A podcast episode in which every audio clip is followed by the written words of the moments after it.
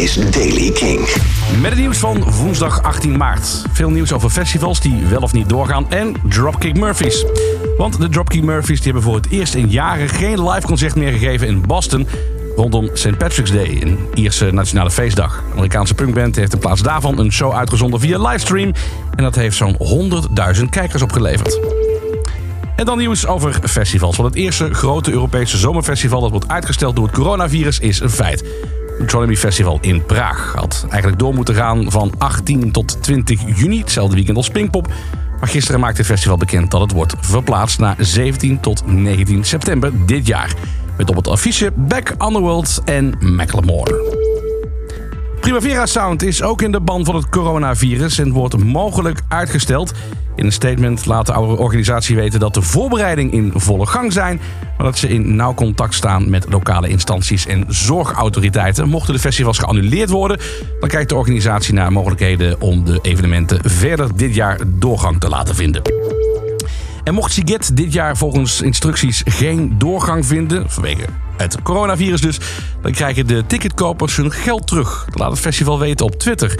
Organisatoren die zijn op dit moment druk bezig met de voorbereidingen voor het festival. Wel geven ze aan dat ze de officiële berichtgeving in de gaten houden. En Europese festivals doen een gezamenlijke oproep. Hashtag Save the Summer festival staat eh, op eh, losse schroeven dit seizoen. En eh, door de snelle verspreiding van het coronavirus zijn evenementen op korte termijn verboden en op lange termijn in gevaar. En festivals door heel Europa starten daarom dus nu met een campagne hashtag Save the Summer. Dus je denken aan festivals als Pinkpop, Rockwerchter, Mad Cool, Lollapalooza, ga ze maar door. Ook Graspop bijvoorbeeld. Die hebben al een oproep geplaatst op hun social media. Festivalgangers door het hele continent die worden opgeroepen om hun verantwoordelijkheid te nemen. Blijf thuis, was je handen, hou afstand en luister naar de adviezen van je overheid. Alleen dan kunnen we de komende festivalzomer nog redden. En dan heel ander nieuws nog eventjes rondom Christine en de Queens. Want die organiseren een live gestreamd optreden vanuit de opnamestudio's... waar ze op dit moment verblijven.